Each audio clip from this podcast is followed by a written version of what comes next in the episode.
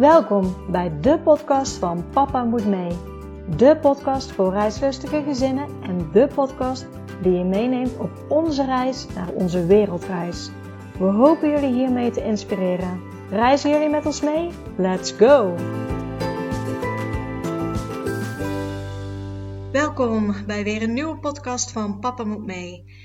En dit keer heb ik weer een interview voor jullie, maar best wel een bijzonder interview. Ik heb namelijk een gezin geïnterviewd dat op wereldreis is geweest met leerplichtige kinderen, met leerplichtige pubers zelfs. Ze zaten al op de middelbare school. En ze hebben zich niet uitgeschreven. Zij hebben bewust gekozen, omdat ze maar zes maanden op wereldreis gingen, om zich niet uit te schrijven. Ze hadden geen toestemming van de leerplichtambtenaar. Ze zijn heel open geweest naar iedereen. En ja, hoe dat afliep, ik zou zeggen, luister de podcast. Ze hebben er ook een blog over geschreven. Dus als je het nog een keer wil nalezen, dan kan je dat vinden op de website Field Chicken Was Here. Heel veel luisterplezier.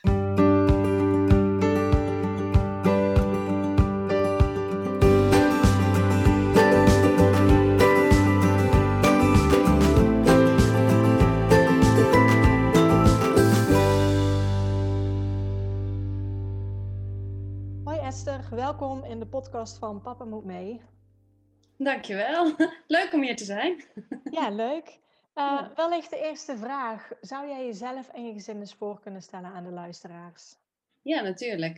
Um, nou, ik ben Esther. Ik ben op dit moment um, 48, bijna 48 jaar. Um, wij zijn uh, twee jaar geleden op reis gegaan met een gezin uh, met twee pubers, waarvan eentje 16 toen, inmiddels nu bijna 19. En de ander 14 op dat moment. En uh, mijn man, Manuel. Dus met z'n vieren, twee jongens. Um, Noah en Aram heten ze, zijn wij uh, op reis gegaan. En ja, dat was een hele mooie ervaring. Waar kwam voor, voor jullie dat verlangen vandaan om op wereldreis te gaan met jullie gezin? Ja, eigenlijk speelde dat al een tijd geleden, volgens mij rond 2012. Toen hadden we het idee van, nou, als we ooit een reis willen maken, dan moeten we dat doen als die kinderen op de basisschool zitten. En toen hadden we bedacht van, als die oudste naar groep 8 gaat, dan is dat een perfect moment. Toen hebben wij ons huis in de verkoop gezet. En die was eigenlijk ook vrij snel verkocht. En dat zag er allemaal heel rooskleurig uit tot uh, oudjaarsdag 2012. En toen kregen we te horen dat uh, die mensen de financiering niet rondkregen.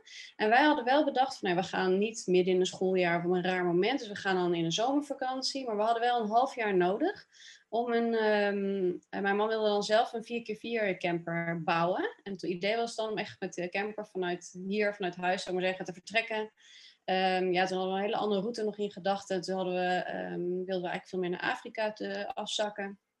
En dan uiteindelijk in de buurt van India een oversteek maken. Um, uh, dan even zelf terugvliegen naar Nederland voor de kerst. We hadden helemaal bedacht hoe we dat gingen doen.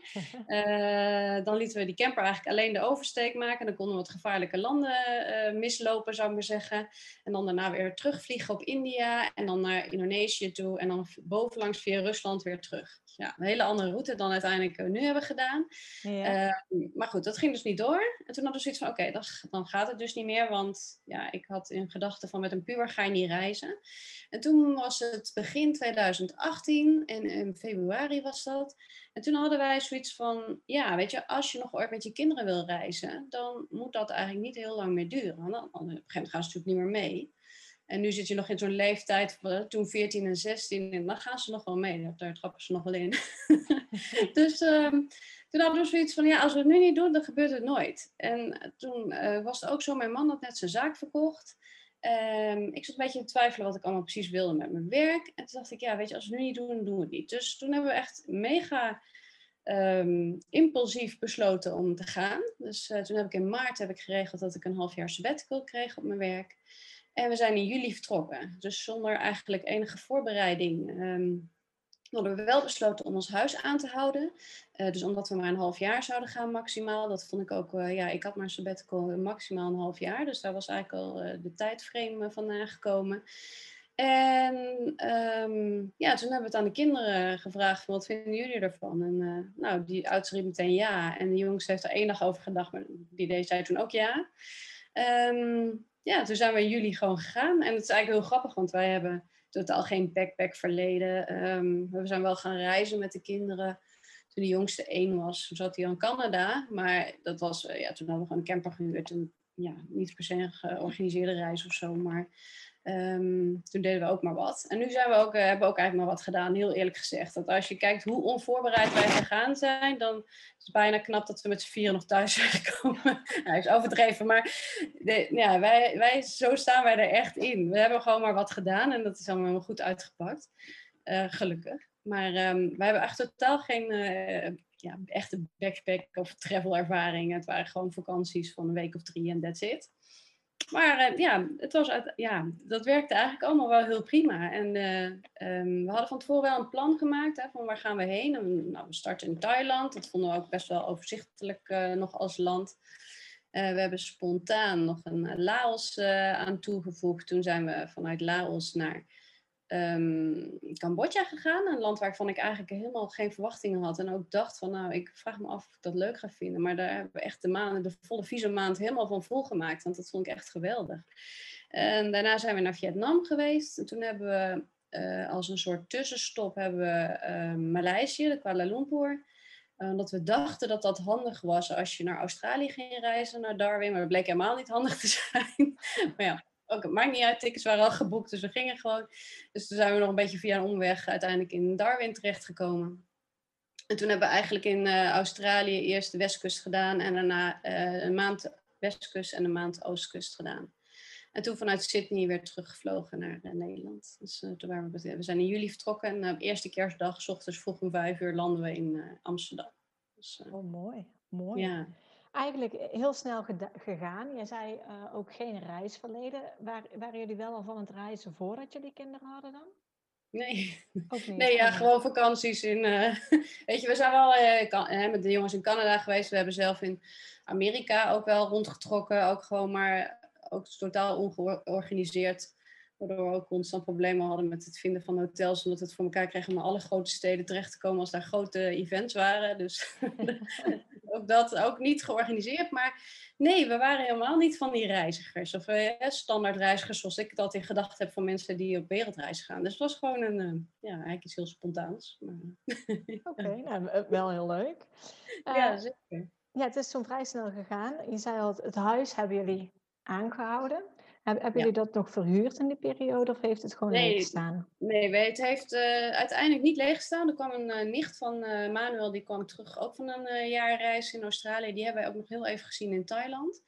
En die had toen geen onderdak. Dus die heeft toen uiteindelijk in ons huis gezeten om het wel bewoonbaar te houden, zou ik maar zeggen. Dus dat was wel heel fijn. Dus er zat wel iemand in huis, maar um, nee, we hadden het wel gewoon aangehouden en ook niet verhuurd aan vreemden, zou ik zeggen. Nee, nee, oké. Ja.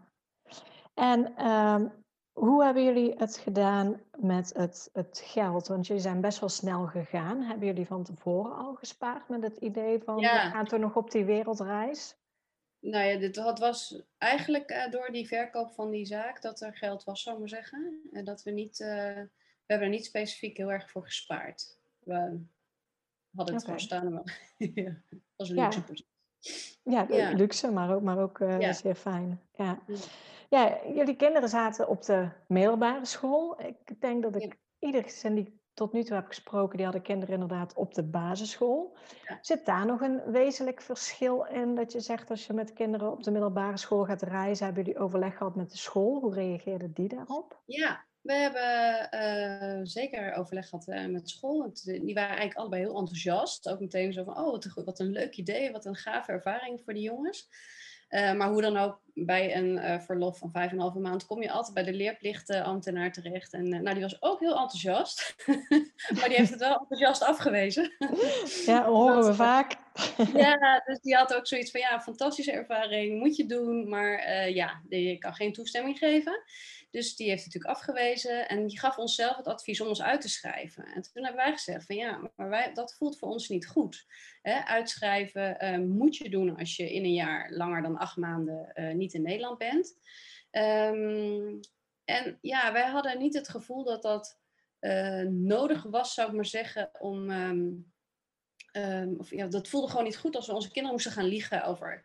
Ook tegen school. Want wat we wilden, en dat, dat is misschien ook wel, het staat helemaal haaks op het uitschrijven. Maar wat we wilden is juist dat enorme uh, contact houden met de scholen. Uh, dat ze gewoon ook probleemloos weer terugkwamen. Want ze zijn natuurlijk in het begin van een schooljaar even afwezig. En ze komen halverwege in een schooljaar, moeten ze weer terug in die klas. Uh, met die materialen. Dus ik vond het, um, het contact met die scholen daarin zo belangrijk. Dat ik zoiets had van ja, ik wil niet dat mijn kinderen gaan liegen tegen die scholen dat, we, dat wij immigratieplannen hadden of whatever. Want het is gewoon nooit onze opzet geweest. En ik had natuurlijk ook een gelimiteerd verlof. Dus ja, waarom zouden we liegen? En dat is niet om uh, uh, te pretenderen dat wij braafste, de braafste mensen van de klas zijn, maar ja, um, ik, ik denk dat een leerplichtwet uit uh, 1969, dus nog voordat ik geboren ben, dat uh, he, daar, die, die vereist ook fysieke aanwezigheid. En dat was toen in verband met kinderarbeid. Nou, ik weet niet, in de tussentijd is best veel veranderd. Dus ik had zoiets van, ja, als dat de redenen zijn waarom een kind uh, fysiek aanwezig moet zijn en daarom zou uitschrijven, dat voelt gewoon niet goed. Dus um, wij hebben er echt bewust voor gekozen om eerlijk te zijn tegen alles en iedereen. Ook meteen tegen die leerplichtambtenaar. En die zei wel van ja, oké, als je dat doet, dat kan. Maar je krijgt wel zodra je terugkomt, krijg je een oproep. En dan moet je voor de rechter verschijnen. Nou, toen hadden wij zoiets van, nou, dan zei dat maar zo. Um, we hadden eigenlijk eerlijk gezegd geen idee van de boetes. Dus we hadden wel uh, wat extra geld achter de hand gehouden en ingecalculeerd dat we een boete zouden krijgen. Maar um, ja, ik vond het relatief meevallen, heel eerlijk gezegd, die boete. Maar ik weet niet of je daar al ja, hoe, hebben jullie, want uh, als, als ik mezelf naga, want uh, wij overwegen en die zijn ook alle opties.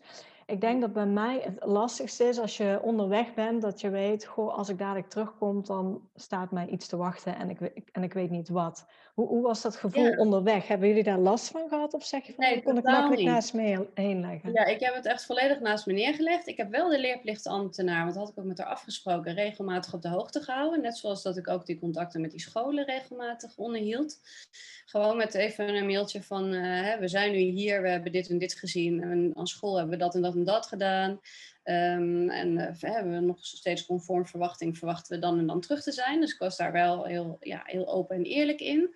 En ik moet zeggen dat dat stuk juist ja, mij enorm is meegevallen. Want ik had ook wel, hè, toen we eenmaal terug waren, is dat niet per se waar je energie van krijgt. En je moet toch een beetje wennen als je weer terug bent. En dan, um, ja, volgens mij hadden we binnen een maand dat we terug waren. Want ik heb ook toen we terug waren meteen een mailtje gestuurd van, nou, we zijn nu echt, echt weer thuis. Um, ja, dan krijg je wel een maand later meteen een oproep van, uh, van, de, van de koningin. dat je mag verschijnen.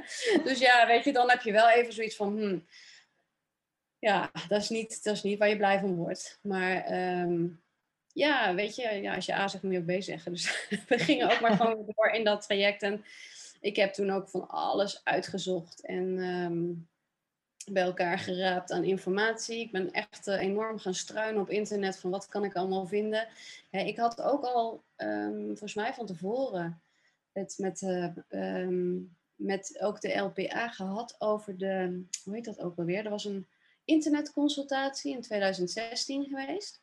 Um, waarin ze eigenlijk ja, een beetje de meningen aan het inventariseren waren over het reizen, of in ieder geval thuis uh, onderwijs geven. En wij hebben wel helemaal gehandeld in de geest van, die, van dat internet, eh, van die internetconsultatie. Dus hè, niet langer dan een half jaar, goede contacten houden met de scholen. Um, wat zat er nog meer in? Ik moet even nadenken hoor. Uh, ja, de school moest dan uiteindelijk toestemming geven.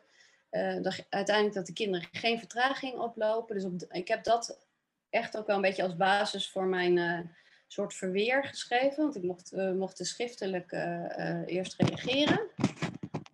En toen heb ik ook allerlei uitzonderingssituaties geprobeerd te vinden. Hè. Er zit een, bijvoorbeeld, ja, op dat moment was er een, leerplichtambtenaar in Rivierenland, volgens mij, die wel toestemming gaf.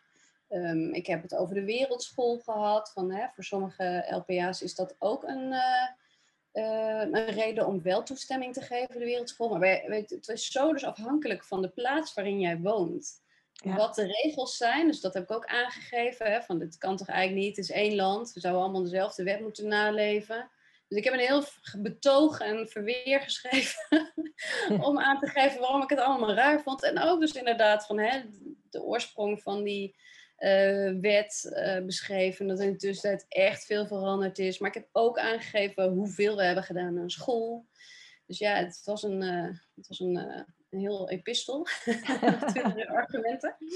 Maar ja, uiteindelijk um, bleek toen wij daar aankwamen dat één persoon vervolgd kon worden. Dus, dat, nee, dat wisten we wel van tevoren. Dus we hadden al besloten dat mijn man dat zou zijn. Um, ik was wel meegegaan en op dat moment, toen ik had eigenlijk alles voorbereid, um, en toen hoorden we eigenlijk dat alleen degene die vervolgd werd naar binnen mocht bij de rechtbank. Dan denk ik, oeh, nou hebben we wel een probleem, want ik had het hele verhaal in mijn hoofd zitten. Dus toen uh, hadden we een hele aardige pakketwachter en uh, toen heb ik gezegd van, nou mogen we alsjeblieft met z'n tweeën naar binnen. Nou, dat had hij dan voor elkaar gekregen. Dus ik kon daar in ieder geval wel uh, het hele verhaal verdedigen. Uh, samen met hem natuurlijk. Maar uh, dat was wel heel prettig dat we wel met z'n tweeën naar binnen mochten.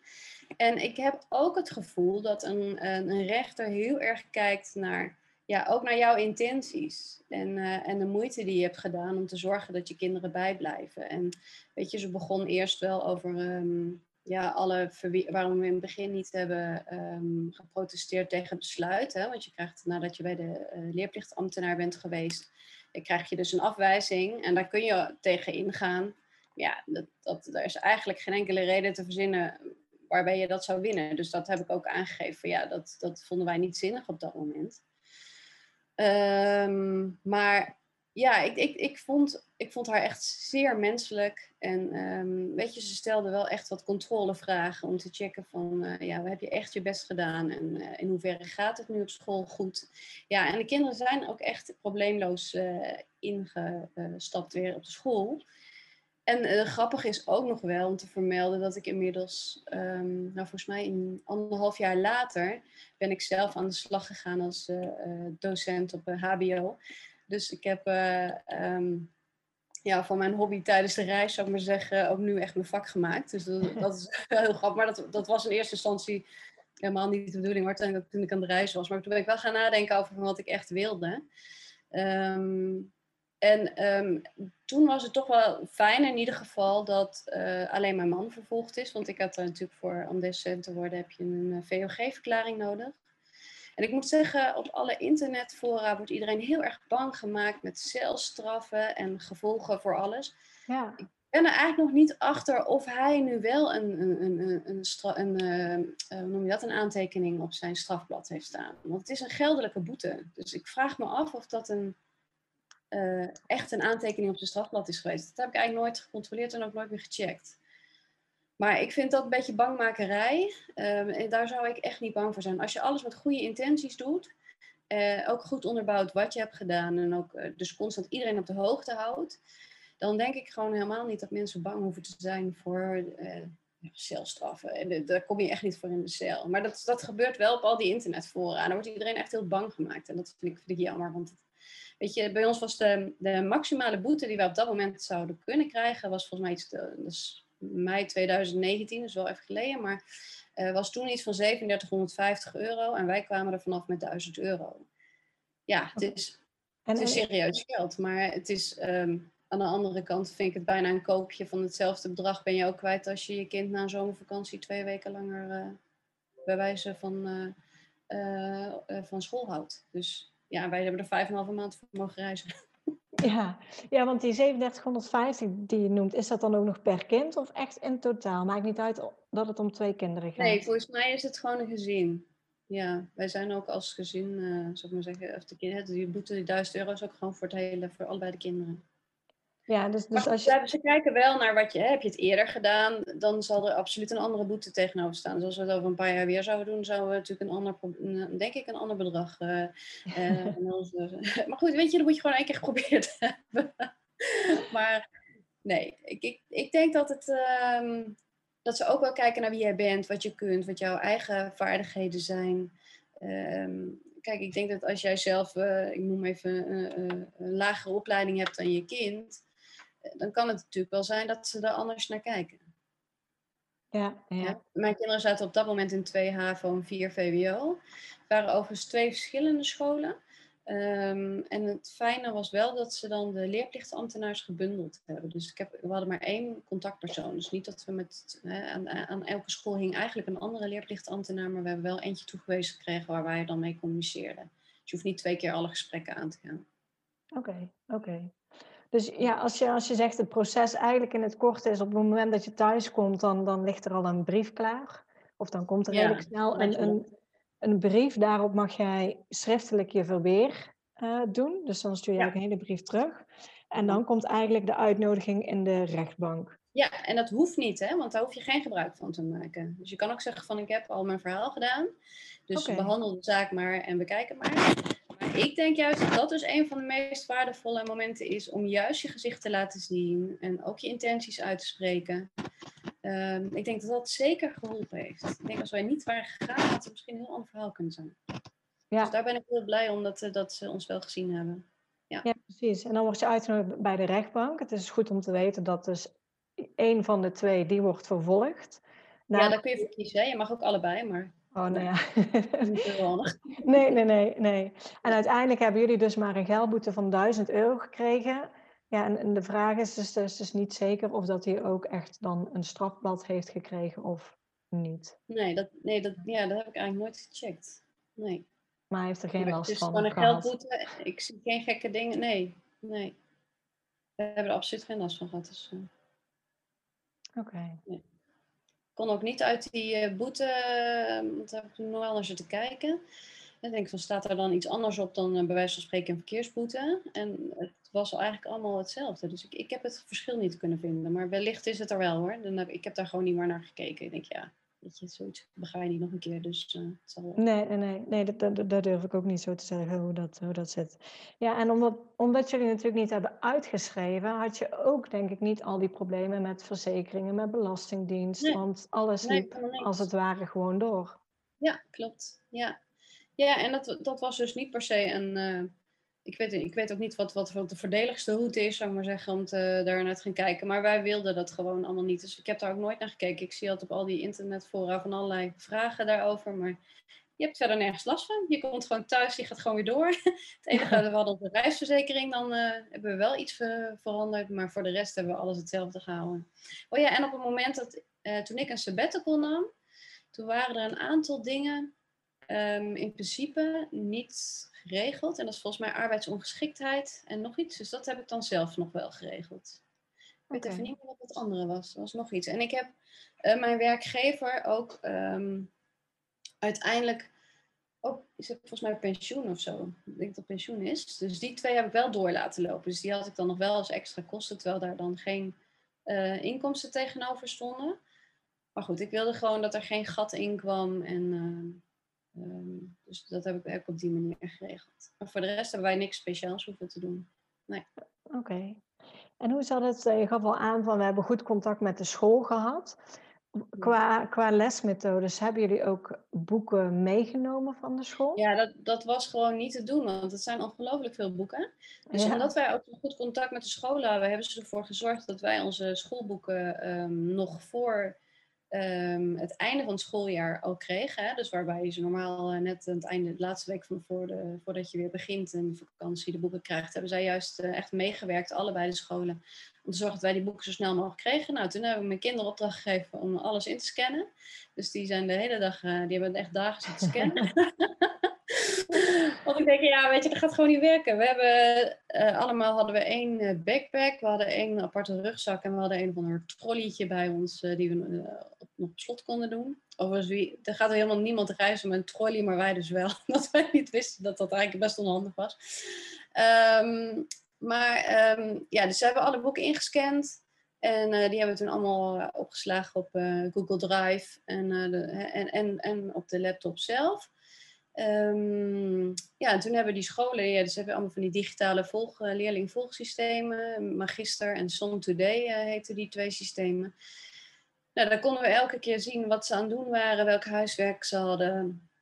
Ik moest aan het begin, dacht ik ook van, oh, ze gaan wel proefwerken maken. Maar ja, omdat je, dat hoefde dan niet. Dus dat was eigenlijk een soort meevaller voor ons. Um, Wat dan wel inhoudt dat je dat, dat extra stimulansje, zou ik maar zeggen, dan niet hebt. Maar goed. Um, we hebben ja, eigenlijk tijdens de reis genoeg uh, rustmomenten ook echt ingepland. Zodat af en toe namen we echt even een break van een week op één plek. Nou, sowieso is dat, vond ik dat zelf ook wel heel fijn. Want je bent op een gegeven moment ook een beetje reismoe. En ik weet nog, de eerste keer was in Vietnam. Dan zaten wij in een um, uh, Airbnb, echt een appartement met drie slaapkamers. Nou, het was helemaal luxe, want we hadden natuurlijk alleen maar de hele tijd in hotels gezeten. En de jongens samen op één kamer. En nu hadden ze lekker een eigen kamer. We hadden echt weer een beetje de huissfeer met een bank en een tv. En ja, dat, dat, is heel mooi, maar daar kun je dan echt heel van genieten. Dat je je eigen boterham s ochtends mag smeren in plaats van dat je weer moet aanschuiven bij het ontbijt in een hotel. Uh, en dat je gewoon zelf kan koken in plaats van dat je elke keer uit eten gaat, et cetera. Dus daar konden we dan echt van genieten. En dat waren dan ook de momenten dat we flink even bij gingen werken. Maar we, maakten eigenlijk elke week een planning van wat we minimaal moesten doen. En um, ja, daar hielden wij ons eigenlijk, eigenlijk heel goed aan. Dus daar, uh, en het is echt niet dat je dan elke dag bezig bent, maar meestal, uh, ja, denk ik gemiddeld, een, op drie dagen pakten we dan een paar uur. En soms uh, lukt het even niet. We hadden ook bijvoorbeeld één keer een week voordat het officieel herfstvakantie in Nederland was. Toen zaten wij in een boot, op een boot ergens uh, in Halong Bay. En daar konden we, ja, daar was natuurlijk geen internet. Dus toen hebben we ook gezegd, van, nou dan wisselen we die week om. Dus zij hadden dan eigenlijk een week voordat de rest herfstvakantie had, hadden zij herfstvakantie. Maar tijdens de herfstvakantie van de rest moesten zij flink aan de bak. En waren wij juist heel veel aan het leren. Dus ja, ik, ik vond dat eigenlijk echt heel goed te doen. En de school van de jongste, die had echt ook per week alles erin staan wat zij ook in de lessen gingen behandelen. Dus dat was voor mij dan heel erg fijn, zodat ik echt heel gedegen het goed kon volgen. Bij de oudste was het dan veel meer gericht op het huiswerk.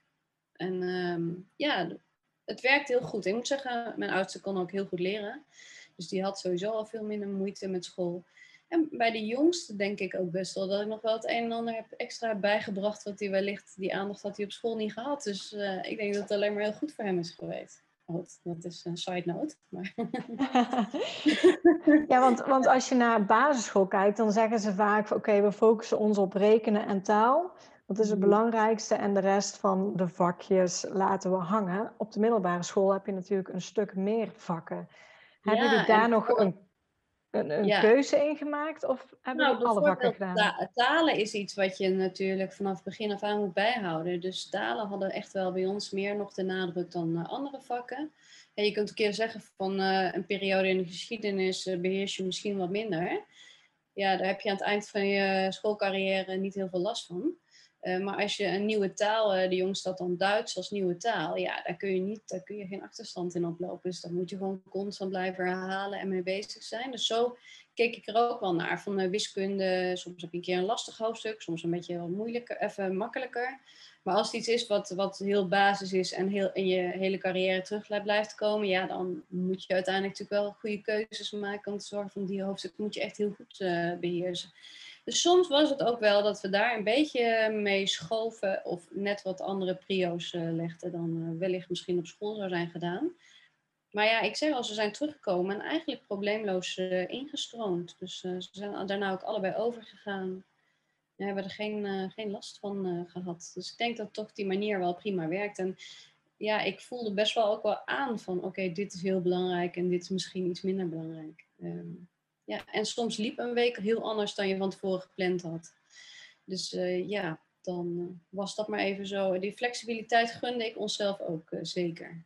Ja, ja en, en hoe, stonden, hoe stonden ze daar zelf in? Vonden ze het lastig om tijdens het reizen, wat toch een beetje vakantiesfeer heeft, toch telkens huiswerk te maken? Of was het voor ja, hen zoiets van, ja, dit hoort erbij, dit, dit moeten we toch doen? Ze wisten het van tevoren, hè? het was geen vakantie. Uh, en dat wisten ze ook. Maar ik denk dat ze genoeg vrije tijd hebben gehad. Ik, ik denk dat als je naar een gemiddelde schooldag kijkt, dan heb je daar meestal wel een uur of twee, drie in zitten. zoals gym of uh, handvaardigheid, hoe heet dat, uh, CKV of dat soort dingen. Ja, weet je, die, die krijg je, heb je, als je op reis bent, heb je die al gratis. Hè? Want bewegen doen we toch wel. Uh, nou ja, en dan maar iets minder creatief. Uh, dat, dat, ja, daar, daar lag ik dan weer niet zo wakker van. Um, dus ja, ik, ik, denk dat je, als je echt kijkt naar de effectieve uren op een school, dan uh, met één op één onderwijs, dan ga je best wel, uh, dan ben je denk ik veel efficiënter bezig. Hoor. Dus je kan met veel minder uren zo'n schoolweek best wel coveren. Het enige wat je niet, waar je niet tegenop kan, en dat is dan ook het grootste nadeel van reizen met pubers, is het sociale aspect. Want ja, dat is natuurlijk een ding ja, daar ga je nooit tegenop kunnen. Ik had vaak um, um, in verband met tijdverschil dat het bij ons uh, zaterdagochtend was en dat het in Nederland vrijdagavond was en alle vrienden bij elkaar. En dan had ik echt een paar droevige pubers uh, aan tafel zitten die gewoon baalden dat ze niet bij hun vrienden waren. En in het begin, de eerste paar weken, was er niks aan de hand, want toen had iedereen in Nederland ook nog zomervakantie. Kwamen ze natuurlijk wel bij elkaar, maar er waren ook heel veel mensen op vakantie. Dus was het allemaal prima. Maar nadat die school weer gestart was, toen merkte ik het wel echt aan de kinderen dat ze ja, ja, toch daar wat minder happy mee waren. Dus ik, ik denk dat ik overal kan zeggen dat ze een fantastische reis hebben gehad en dat ze het heel fijn hebben gehad. Maar als je overweegt van ga ik reizen met kinderen op de basisschool of, uh, of echte pubers, dan, weet ik, uh, dan denk ik dat ik in, uh, in een volgend leven zou ik, het, zou ik toch met jongere kinderen gaan reizen. En ondanks het feit dat ze nu. Um, mijn oudste is nou eindexamen aan het doen en heeft dan volgende week proefwerkweek of eh, SE-week. En daar zitten dan onder andere Vietnam-oorlog is een van de onderwerpen. En ja, dan zegt hij wel weer van, mam, het is zo gaaf dat we dit, hè, dat we dit, dat we alles daarvan dichtbij hebben gezien en dat ik gewoon echt weet waar dat over gaat. Dus hè, dat, die verrijking, die zit er zeker in. En, ze hebben ook heel veel dingen gezien die ze natuurlijk nooit zouden zien. Uh, hele mooie dingen, ook minder mooie dingen. Um, maar dus, dan zou ik toch denk ik kiezen voor uh, iets jongere leeftijd.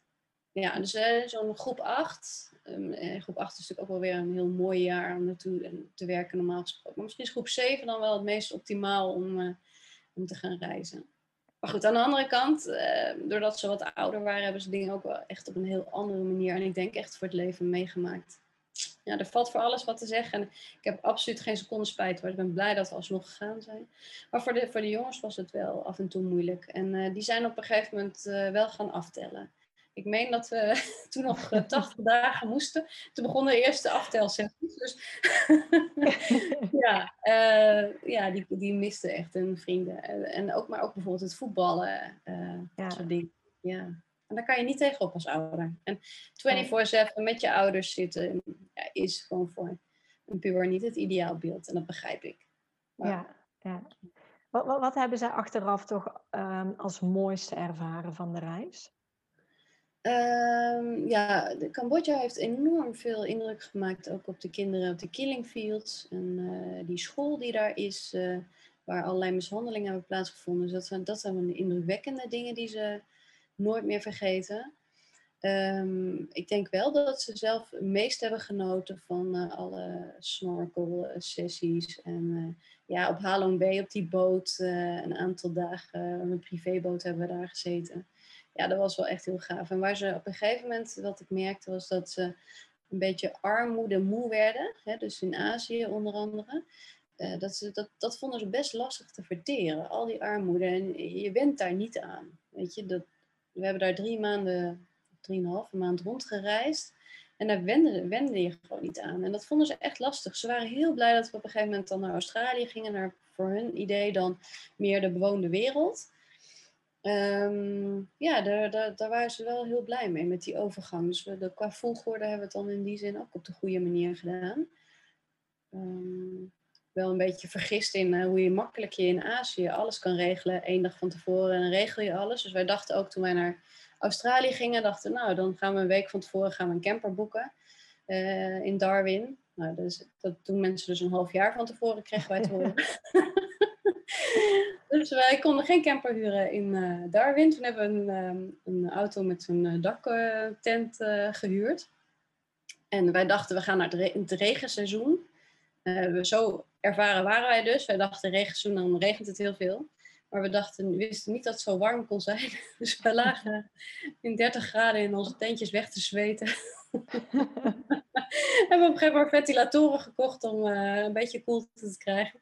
Maar ja, dat soort dingen. Dus, um, ja. En toen waren ze weer heel blij dat we aan de oostkust hadden we toen een, uh, een camper gehuurd met de airco en alles erop en eraan. En die laatste maand was een beetje de luxe maand. En dat uh, vonden ze ook wel heel fijn als einde mooie afsluiting dan. Ja, zeker, zeker. Ja, inderdaad.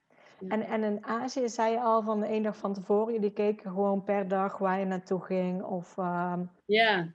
Waar jullie sliepen. Ja. ja, ja, ja. Ja, we hadden wel meestal een hotel minimaal twee nachten. Omdat het uh, echt elke dag doorreizen vonden wij ook wel heel vermoeiend. Soms uh, drie nachten. Lag er maar net aan of we het er fijn hadden.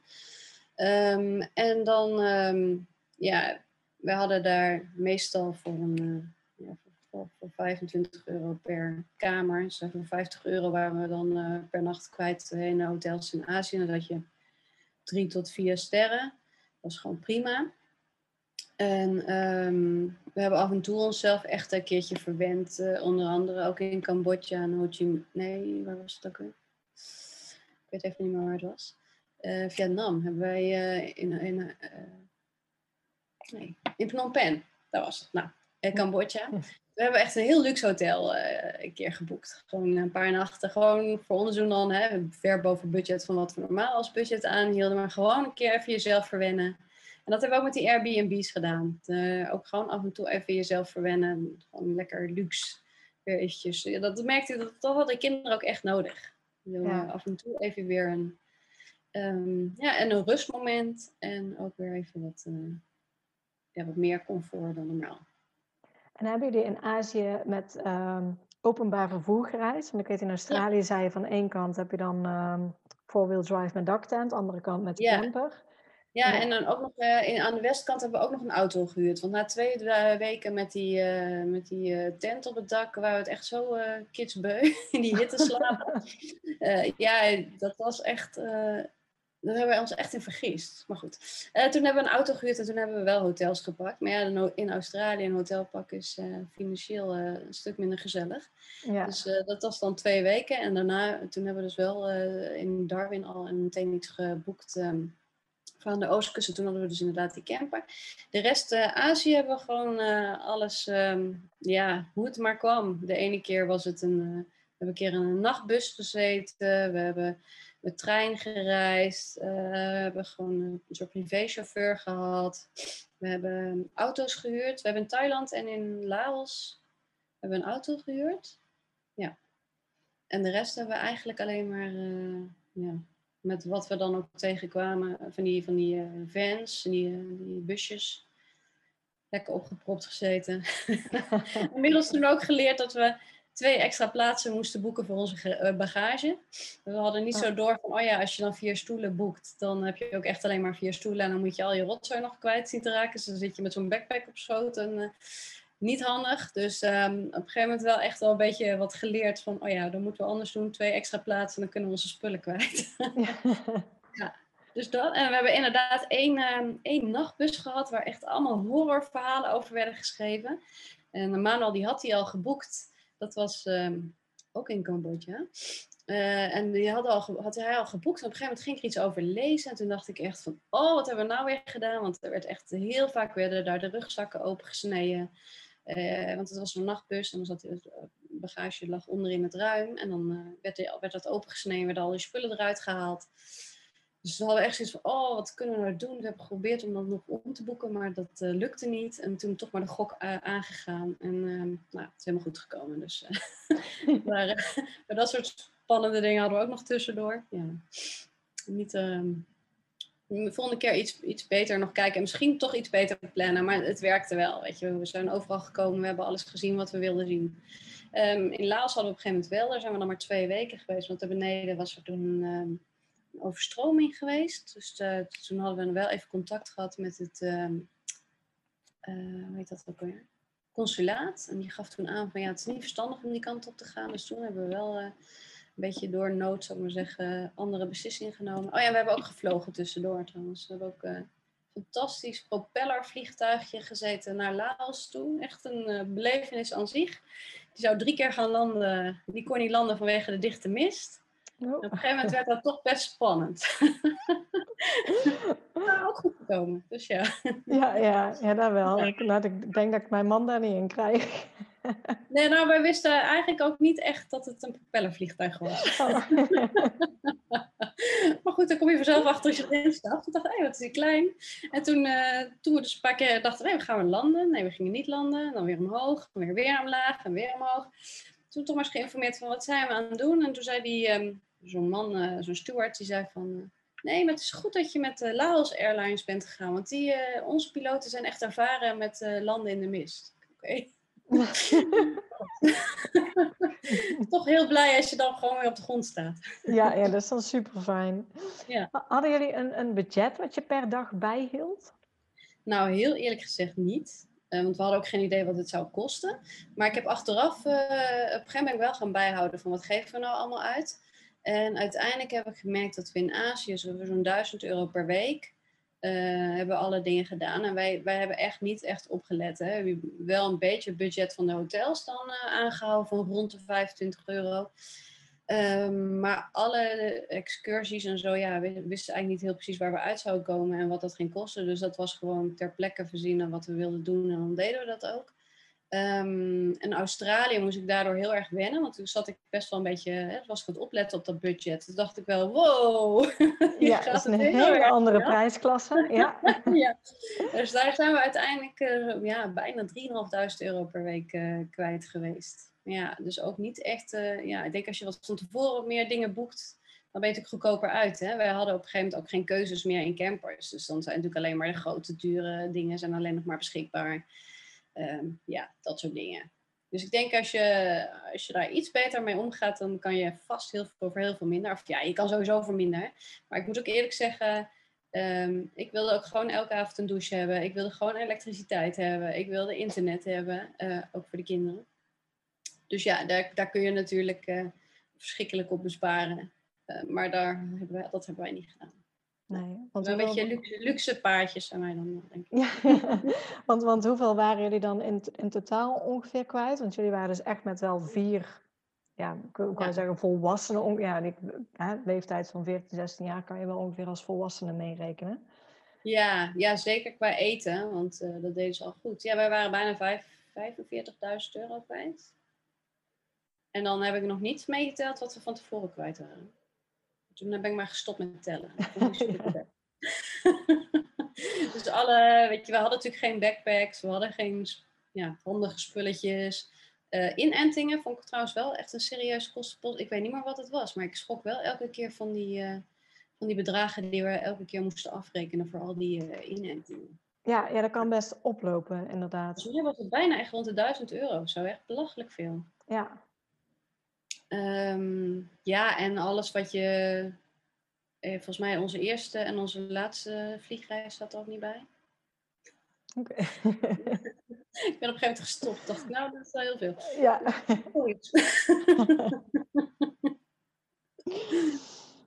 ja, maar het ging hard. En vooral Australië. Hè, want uh, wat we natuurlijk gewend waren, is ook het eten.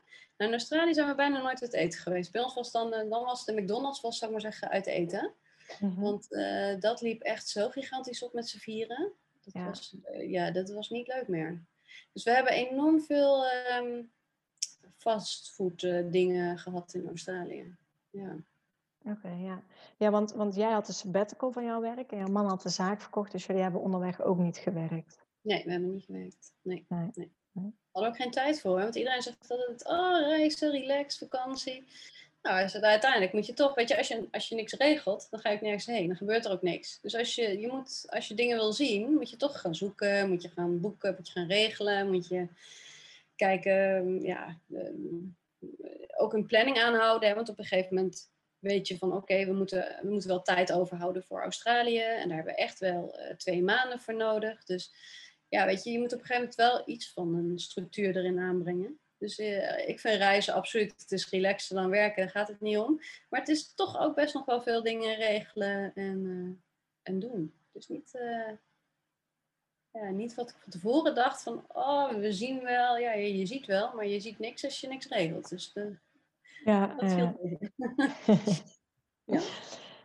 ja. dan heb ik nog um, keuzes voor jou. Ik noem telkens twee keuzes op. Niet te lang nadenken, gewoon antwoorden nee. wat in je opkomt. Mm Een stedentrip of strandvakantie? Uh, stedentrip. Auto of vliegtuig? Um, ik ben toch wel luxe, vliegtuig. Backpack of koffer? ja, nu wel een backpack, maar vroeger niet. Airbnb slash hotel of kamperen? Airbnb slash hotel. Zomer of winter? Zomer. Zwembad of zee? Zwembad. Bergen of, oh. Bergen of strand? Strand. Europa of buiten Europa? Buiten Europa. Roadtrip of één vaste plek? Roadtrip. En dan de laatste vraag. Hebben jullie nog tips voor gezinnen die ook op wereldreis willen gaan? Ja, het enige wat ik kan zeggen, doe het. je ziet dat je ook zwaar onvoorbereid een fantastische reis hebt. Uh, en ik weet dat er altijd duizend dingen te verzinnen zijn waarom je het niet moet doen. Maar je moet, uh, je moet het wel gewoon doen, want je krijgt spijt als je het niet hebt gedaan. En uh, ja, aan de andere kant wil ik nog steeds een lans breken voor het feit dat we ons niet massaal moeten uitschrijven. Maar dat we toch echt die, die rechtszaken aan moeten gaan om te zorgen dat die wet gaat ver veranderen. Want ja, weet je, als we niks doen, dan gebeurt er niks. En dan blijft iedereen dit maar doen. En ik, ik hoop echt zo dat het voor veel meer mensen daardoor ook bereikbaar wordt om te gaan reizen. Kijk, corona is natuurlijk nou veel lastig, maar hè, ik, ik denk dat er zoveel mensen zijn die die wens hebben en dat ze zich echt ook hierdoor laten weerhouden. Um, ja, en ik denk van met je uiterste best doen om je kinderen toch uh, bij te laten blijven op school ja, dat kan gewoon. En uh, ja, dat, ik zou het gewoon echt doen. Ik, zou, ik heb van tevoren ook honderd keer bedacht van ja. En mensen vroegen ook van ons van ja, en waarom ga je nu dan wel? En toen dacht ik, ja, waarom gaan we nu wel? Omdat we het nu nog kunnen doen met onze kinderen. En anders, eh, later als we oud en bejaard zijn, kunnen we het ook doen. Maar hoe fijn is het dat je met je kinderen zoiets kan aangaan? We hebben zo'n ja, zo'n hechte band gekregen ook met de kinderen. Het is zo mooi om dit mee te maken. Dus samen gevaren doorstaan, bij wijze van spreken. We hebben ook één keer in eh, Australië op een berg gestaan. En eh, de ene boom naar de andere waaide om. En net voor onze camper. op een gegeven moment stonden we klem. En toen moesten we ergens proberen te draaien. En uh, ja, ik, ik kon helemaal niks meer van angst. En uh, één zoon die heeft alleen maar Netflix zitten kijken, die heeft niet eens doorgehad dat er überhaupt iets aan de hand was. En de andere, mijn jongste, die heeft geholpen met die camper draaien, weet je. En denk ik van, ja, zoiets maak je natuurlijk in Nederland gewoon niet mee. Uh, we waren een soort van bestolen op, in, in Vietnam. Um, op een boot. Nou, het is allemaal weer goed gekomen, we hebben het alweer teruggekregen. Maar weet je, dat brengt je bij, zo bij elkaar. Ook samen genieten van alle mooie dingen. Um, ja, dus je moet het echt, je moet het gewoon doen. Laat je niet weerhouden. De, um, hoe zeg je dat? Um, uh, hindernissen zijn er altijd in je leven. Maar ik weet zeker dat er, uh, dat er genoeg te, te, organiseren valt waardoor je het wel kan doen. Ik snap dat wij wel een luxe situatie hadden met ons budget. Uh, maar we hadden het ook, als dat gemoeten, hadden het voor veel minder kunnen doen. En hadden we net zoveel genoten, dat weet ik zeker. Dus uh, ja, dat is mijn belangrijkste tip. Doen. niet uh, afwachten. Niet naar die beren kijken. Nou, he hele mooie woorden om, om mee af te sluiten. Dan wil ik jou ontzettend bedanken, ook voor je verhaal. Ook om zeker de andere kant te belichten hoe het gaat als je niet uitschrijft. Super waardevol. Ja. Dus hartstikke bedankt voor je tijd en alle informatie. Heel graag gedaan. Ik hoop dat er mensen mee geïnspireerd hebben om alsnog te gaan. En ook met pubers, want dat is toch ook wel heel mooi. Super bedankt voor het luisteren naar deze podcast. Ik zou het heel leuk vinden als je ons volgt op Instagram. Papa moet mee. Deel deze vooral in je stories als je hebt geluisterd. En tag ons. En laat ons weten wat je ervan vond. Tot de volgende keer.